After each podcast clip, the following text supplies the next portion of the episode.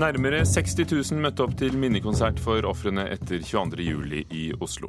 Jeg vil slåss for et samfunn der det er rom for mange kulturer ved siden av hverandre, sa samiske Mari Boine, som opptrådte i går. Åsne Seierstad var en av forfatterne som skrev tekster til minnemarkeringen. Hun kommer hit til Kulturnytt. Og 100 journalister fra hele verden dekket gårsdagens begivenheter. En trøst, sier AUF-lederen. Dette er Kulturnytt i Nyhetsmorgen her i NRK P2 og Alltid nyheter, hvor vi også skal oppsummere Slottsfjellfestivalen i Tønsberg som fyller ti år, og høre at Moldefestivalen nok går med underskudd i år. I studio Ugo Fermariello. Nærmere 60 000 mennesker hadde møtt opp på Rådhusplassen i Oslo for å delta i den nasjonale minnemarkeringen og følge konserten i går kveld. Norske artister, forfattere og Bruce Springsteen hedret ofrene for terrorangrepene på Utøya og i Oslo. Agnes Moxnes, kulturkommentator i NRK. Det var mange spekulasjoner. Hadde, hadde noe å si at uh, The Boss var der? Ja, det syns jeg det hadde vært en stor skuffelse hvis han ikke hadde kommet. Men han er jo en eh, klok eh, mann som ikke ville liksom gå på scenen og ta publikum som Bruce Springsteen. Han kom forsiktig inn, spilte en Pete Seeger-versjon av We Shall Overcome og forlot scenen igjen. Så det var et veldig fint øyeblikk, det. Hvordan var det å stå på Rådhusplassen i går kveld? Det var først og fremst kaldt og, og, vått, og helt utrolig imponerende at det kommer 60 000 mennesker på en sånn uh, sommerkveld. Ekstremt profesjonelt gjennomført konsert, selvfølgelig. Så er jo en sånn konsert eller en minnekonsert et veldig interessant møtested mellom sorg og trøst og politikk og byen der, som ble hardt rammet også, altså Oslo etter 22. juli. Så, så, så, og dette syns jeg ble veldig fint brukt i bl.a. de veldig fine tekstene som eh, tre forfattere skrev, altså Åsne Seierstad og Karl Ove Knausgård og Frode Grytten, men også i samspillet mellom rådhuset og rådhusklokkene og Kringkastingsorkesteret i deres helt spesielle og fantastiske versjon av Nordahl Griegs Til ungdommen. Og Åsnes Heierstad er her. Eh, du skrev en kortprosatekst. Hva, hva, hva vil du skrive, hva vil du formidle, da du fikk dette oppdraget?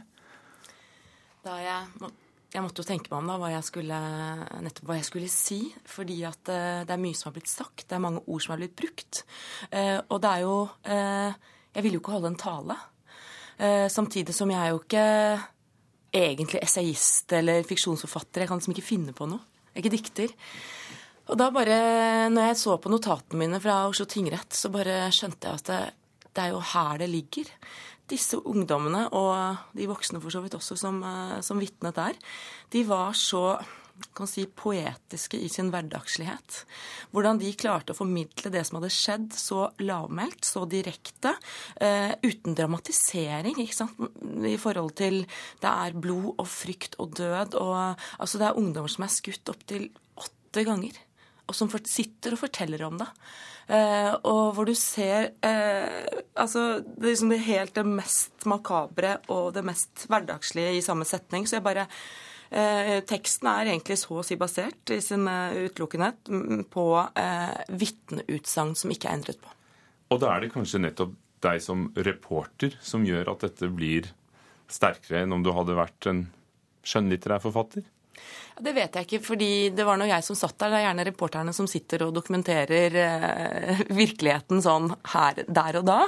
Eh, så for meg så er det Altså, jeg er eh, dokumentarist, så, for meg så, så, Når jeg så det, setningene, eh, den derre omveien til hytta fordi de skulle plukke blomster, og så død, eller denne unggutten som, eh, som det, var jo så mange, det var jo som heltmodighet. Det er jo et ord vi sjelden bruker. Men hvordan noen av disse ungdommene liksom lar de andre gå først, sitt, bli sittende igjen, passe på.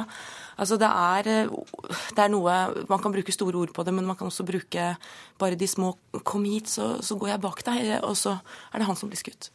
Det er gått ett år. Agnes Moxnes, eh, skriver vi, snakker vi om 22. juli annerledes?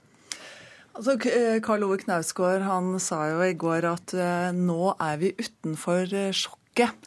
Og det er vel det som er den store forskjellen på minnekonserten som var nå i går, og den som var for et år siden. Og man har nok en følelse av at mye er blitt sagt i løpet av det året som er gått. Og at man kanskje kan kjenne på en slags uro, da, at man kan nærme seg det sentimentale og kanskje også det selvfornøyde. Og det var vel en del diskusjoner som ble litt glemt eller uteglemt i går. Bl.a. om, om eh, hvordan vi behandler innvandrere eller skråstrek romfolket. Har vi egentlig så stor grunn til å være fornøyde med oss selv? Så det var en del diskusjoner som ikke kom i går, men, eh, men eh, jeg tror helt, det er helt riktig det Karl Ove Knausgård sier. Nå er vi utenfor sjokket. Åsne Seierstad, er vi det? Du som har fulgt rettssaken og, og, følger pårørende, for du forbereder en bok om 22.07. og rettssaken. Du kan si at sjokket eh, var jo helt eh, Altså, det var helt rått eh, for et år siden. Og det var et sånt åpent sår som det ble bare gravd i. Det er nok over, men sorgen er akkurat den samme når jeg snakket med pårørende. Det er like vondt. Det kan ikke Altså, det er eh, Jeg tror kanskje det der er noe vi har å lære, og det er jo også flere psykiatere som har snakket om. Så, altså, tiden leger ikke alle sår. Og at eh, jeg tror det er viktig at vi, vi skiller der. Vi må ikke si at uh, smerten er mindre nå. Jeg har hørt i liksom taler og sånn at den type ustand kommer. Smerten er mindre nå. Nei, den er ikke det. På ingen måte. Så vi må klare å, å skille nasjon og og at det er mennesker blant oss, mange, ikke sant? 77 mennesker har mange pårørende, venner. Søsken sliter veldig. Altså det er veldig mange mennesker som Altså det er venner som ikke er direkte berørt, men, men som kjente, som ikke klarer å fullføre skolen fordi det er en skolepuls som står tom. Altså det, for mange så er nok sorgen like rå. Når du nå skriver, er det noe som fortsatt er for tidlig å skrive om og ta opp? Ord som er for tidlig å bruke? Uh, nei, det, nei det, det, tror jeg ikke. Jeg er veldig opptatt av at uh, alt skal fram. Uh, nå kommer kommisjonen. Det er viktig i sorgarbeidet også, for det er veldig mange som sitter med spørsmål. debatten om, om, dommen, det blir nok sikkert en debatt om den blir stående eller om den ankes. Jeg, jeg, har tro på, også i sorgarbeidet, at jo mer informasjon, hvor mye man vet For det er jo også blitt sagt at bitterhet, sinne Eh, som, som, som, kommer fra uro over å bli holdt, holdt skjult for, altså den type ting, det, det, er veldig, det er sånn som trekker sorgen i langdrag. Så Derfor har jeg også tro på at eh, vi trenger mange bøker. Det er, Vi kommer alle til å ha ulike vinkler, og mange av oss kommer sikkert til å, å gå litt i de, i de samme temaene og, og, til og med kanskje intervjue de samme menneskene. Eh, men at jeg tror kanskje ikke Det har jeg i hvert fall tenkt på for min egen del. Jeg, jeg må ikke være så redd for det. For at jeg har tenkt å bruke tid på dette. Jeg kommer ikke med noen bok i høst. Jeg har tenkt å hvert fall bruke et år til. Sånn at jeg eh, risikerer nok at eh, jeg intervjuer noen som har blitt intervjua før, men, men, det må vi også tåle. Agnes Moxnes, det er en hårfin balanse. Nå tenker jeg på minnekonserten i går. Å glede, men ikke å støte. Holdt konserten balansen? Ja, Det er jo det akkurat det Åsne Seierstad sier, at, at, her må man velge ordene sine med så stor omhu og heller ta mye lengre tid enn kort tid. Eh, jeg syns at de holdt seg innenfor De holdt balansen i går.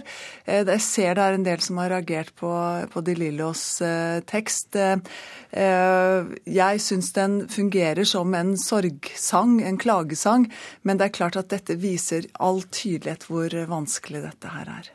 Vi har møtt Åsne Seierstad her. Eh, du nevnte forfatterne nettopp som et høydepunkt. Eh, ja, altså For meg så var høydepunktet i går absolutt eh, Frode Gryttens eit dikt for de unge, som jeg tror kommer til å bli fremtidens svar på Nordahl Griegs til ungdommen. Så hørte vi kulturkommentator Agnes Moxnes og forfatter og journalist Åsne Seierstad. Og Det er nå klart hvor det endelige minnesmerket i regjeringskvartalet skal ligge. Det opplyste fornyingsminister Rigmor Aasrud under minnemarkeringen i regjeringskvartalet i går.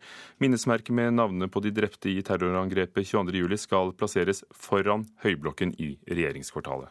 Her vil det også bli reist et 22. juli-minnesmerke når et nytt regjeringskvartal står ferdig.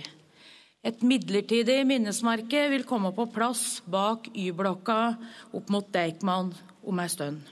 Og Byggestart blir tidligst om to år, og det kan ta ti til tolv år før regjering, regjeringskvartalet står klart igjen.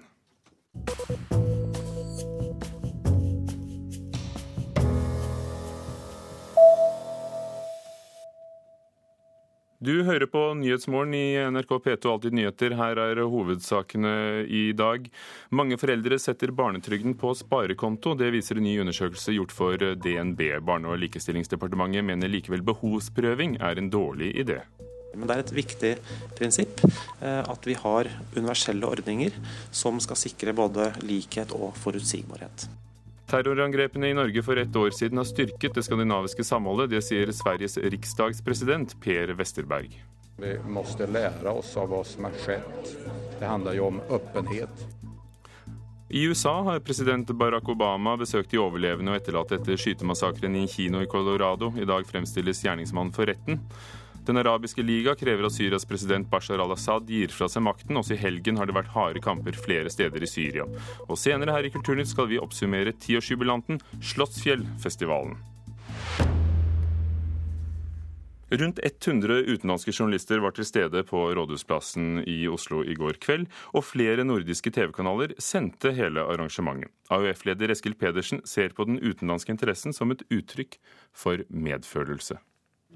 Uh, I'm Bernard Rupsame of Royal Portraits Europe. Jeg jobber for BBC News. I'm working for a Japanese uh, public TV called NHK. Sjokkbølgene etter 22.07 bredte seg langt utover våre landegrenser og store deler av verdenspressen var til stede da Norge i går markerte at det har gått ett år siden terrorangrepene. Og nå står vi i pressesenteret som er i Rådhusgalleriet Oslo rådhus. Eh, og dette er et stort pressesenter, et uvanlig stort pressesenter. Kommunikasjonsdirektør i NRK, Tommy Hansen, har de siste dagene lagt til rette for mange utenlandske medier som dekket minnekonserten på Rådhusplassen. Ja, vi har hele ansvaret for logistikken og det praktiske rundt alle som skal sende herfra. Og det er mange land som sender den konserten direkte. Hvilke land er det som skal sende det direkte? Ja, Vi vet at eh, alle de nordiske landene skal sende dette direkte. Og så er det veldig mange TV-stasjoner som har tilgang til dette signalet, som er medlemmer av Den europeiske kringkastingsunionen, EBU. Og ca. 100 utenlandske journalister ble akkreditert, slik at de kunne rapportere hjem fra markeringene her i Norge. Mange av dem representerte store mediehus. Som f.eks. BBC, eh, Al Jazeera, flere amerikanske, tyske ARD og ZF, som er veldig veldig store. Eh, det er noen av de som er på lista. I'm planning to cover almost all memorial uh, events. This is rather important for Japanese people. Toru Goto er korrespondent for den japanske allmennkringkasteren NHK. Han sier at mange i Japan er opptatt av minnemarkeringene og av hvordan ofre, pårørende og etterlatte blir tatt vare på. Japan står overfor en eldrebølge og må kanskje løse opp litt på en meget streng innvandringspolitikk for å få nok arbeidskraft i fremtiden. Den norske debatten om flerkultur, integrering og minoriteter i forlengelsen av 22.07 er derfor relevant og lærerik for Japan, sier Goto. What we see in Norway, probably a good lessons for us. Når jeg har reist rundt i verden, så har jeg jo sett at 22.07 eh, gjør overskrifter i de fleste land. AUF har fått erfare at utenlandsk presse kan være mer aggressiv og pågående enn norsk presse. Men i det store og hele opplever AUF-leder Eskil Pedersen oppmerksomheten fra utlandet som noe positivt. Det er et uttrykk for at det er en interesse i mange land. Én ting er at de følger rettssaken, men det at de også følger f.eks. minnekonserten er jo et uttrykk for medfølelse sa AUF-leder Eskil Pedersen, reporter Dario Kverme Birhane. Årets Moldejazz går mot underskudd. Styreleder for festivalen Britt Flo skylder på det dårlige været. Vi regner med at det blir et underskudd i år. Vi har budsjettert med litt høyere omsetning enn det vi, og besøk enn det vi faktisk fikk. Og nå har ikke vi fått, eh, har ikke en endelig forklaring på hvorfor det ble sånn. Men eh, det er vel en av de kaldeste festivalene som har vært. Så det har hatt eh, stor innvirkning både på, på, restaurantsalget og også på billettsalget. Klart Dette her er også noe som vi tar med oss til, eh, til året fremover. Skal vi ha så mange utekonserter når det været er sånn som det er. Styrelederen ser også at det må gjøres en jobb for å trekke mer ungdom til jazzen. Chanel Monet skulle i år være jazzen sin ungdomskonsert. Ungdommen kom ikke på den ungdomskonserten som var på onsdag. Det skulle være ungdomskonserten vår.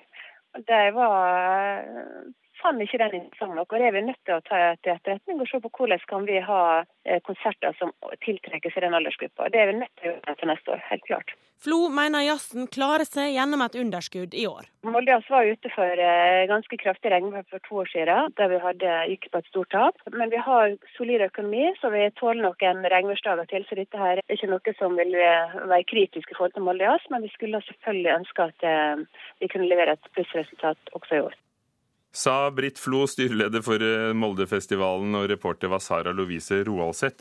Og mens Chanel Monet altså ikke trakk ungdom i Molde, så øh, skjedde det Slotts, på Slottsfjellfestivalen i Tønsberg. Der øh, samler Chanel Monet, New Order og Simon mange folk til festivalens tiårsjubileum, som ble feiret lørdag. Kim Klev, musikkanmelder i Lydverket i P3. Er du like fornøyd som festivalen tydeligvis er selv på, ja. over Slottsfjellfestivalen i Tønsberg? Ja, jeg er veldig fornøyd med festivalen. Det er for så vidt første gang jeg er der i år. Um, men, så du ser det med friske øyne? Ja. Uh, men jeg er likevel veldig, veldig positivt overraska over festivalen. Um, HV-festivalen f.eks. har vært en stadig større skuffelse. Særlig stor i år. Så for så vidt godt å kunne stikke til Slottsfjellfestivalen av den grunn. Hva var um, de positive overraskelsene? Um, hovedsak Eller det er to konserter som var virkelig, virkelig stor positiv overraskelse. Den første var Maverick Saber, som er en sånn uh, hooligan-aktig fyr fra uh, Hackney i London.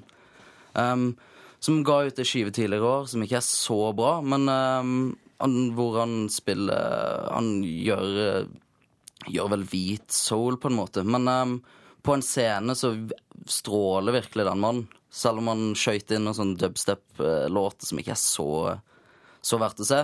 I tillegg så, uh, så er det band som heter Gallows, som har, fått, uh, som har stått for en av mine de beste konsertopplevelsene noensinne i mitt liv, på HV 2010. Eh, men de har fått en ny vokalist nå. Men eh, de fungerer likevel omtrent nesten like bra nå. Mm. Hva er skuffelsene, da? Um, kanskje største skuffelsen er Pure Love, som er det nye bandet til den gamle Gallows-vokalisten. Hvor en sånn veldig, veldig sint og rar fyr som har gått powerpop. Og blitt kjærlig, men samtidig så er han fortsatt sur på scenen. Han, er, han, valgt, han ble, virka litt eh, fornærma over at det var, var kommet litt få folk, og de var ikke så interesserte. Så på en måte så saboterte han sin egen konsert på mange måter. Um, blant annet ved å bare bli nede utenfor scenen under mesteparten av konserten og la være å bry seg om at mikrofonen var i stykker. Um, I tillegg så var jo kanskje New Order det virkelig store, store bandet som var på Slottsfjell i år. De har visstnok ikke spilt i Norge på 31 år. Um, men uh, derfor hadde jeg veldig store forventninger til konserten. Men dessverre så ble, ble Det var ikke dårlig, men uh, det vil liksom ikke være en konsert jeg vil huske særlig lenge i ettertid. Du nevnte HV-festivalen, og nå har du mm. altså vært på Slottsfjell i Tønsberg. Mange, det, vi hadde en debatt hvor folk kritiserte HV for å handle mer om, om fest og moro enn og musikkinteresse. Mm. Hvordan er det på Slottsfjell? Hvordan føler du at det er der?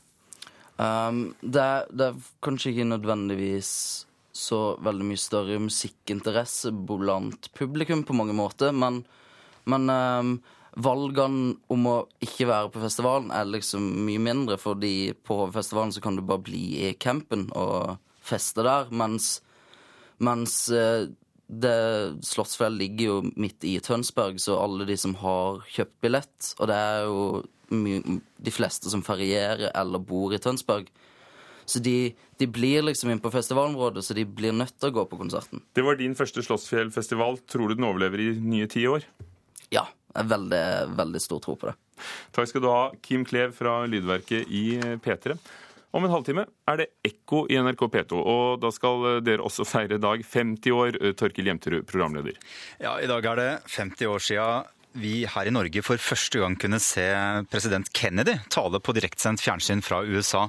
Og det er altså 50 år siden første gang Europa og USA kommuniserte med hverandre via en satellitt. Og det skjedde altså på direktesendt TV. Eh, og siden dette er radio, hvordan i all verden skal du få vist oss dette? Ja, jo, vi har noen ganske uh, unike arkivklipp. Og så Den gangen så var det selvsagt sivilingeniør Erik Tandberg som kommenterte begivenheten for oss her på NRK. Og Vi har invitert ham tilbake hit i dag, og han skal få høre på disse opptakene fra denne sendinga. Det er opptak han verken har hørt eller sett på 50 år. Og så skal han også fortelle oss hvorfor dette var en nesten like viktig begivenhet som da månelandinga noen år seinere i Ekko om eh, en drøy halvtime her i NRK P2. Takk skal du ha, Torkil Jemterud. I Kulturnytt i dag har vi hørt at nærmere 60 000 mennesker møtte opp på Rådhusplassen i Oslo for å delta i den nasjonale minnemarkeringen i går kveld. Norske artister, forfatter og Bruce Springsteen hedret ofrene for terrorangrepene. Musikken er som medisin, sa samiske Mari Boine, som ønsker å markere at eh, hun ønsker et samfunn der flere kulturer kan leve ved siden av hverandre. Og opptil 100 utenlandske journalister dekket begivenheten fra de forskjellige andre landene, og flere nordiske TV-kanaler sendte også minnekonserten. Vi har mye å lære, sa representanten for japansk TV. Ida Kvittingen var ansvarlig for Kulturnytt, Espen Hansen teknisk ansvarlig, og Ugo Fermariello programleder.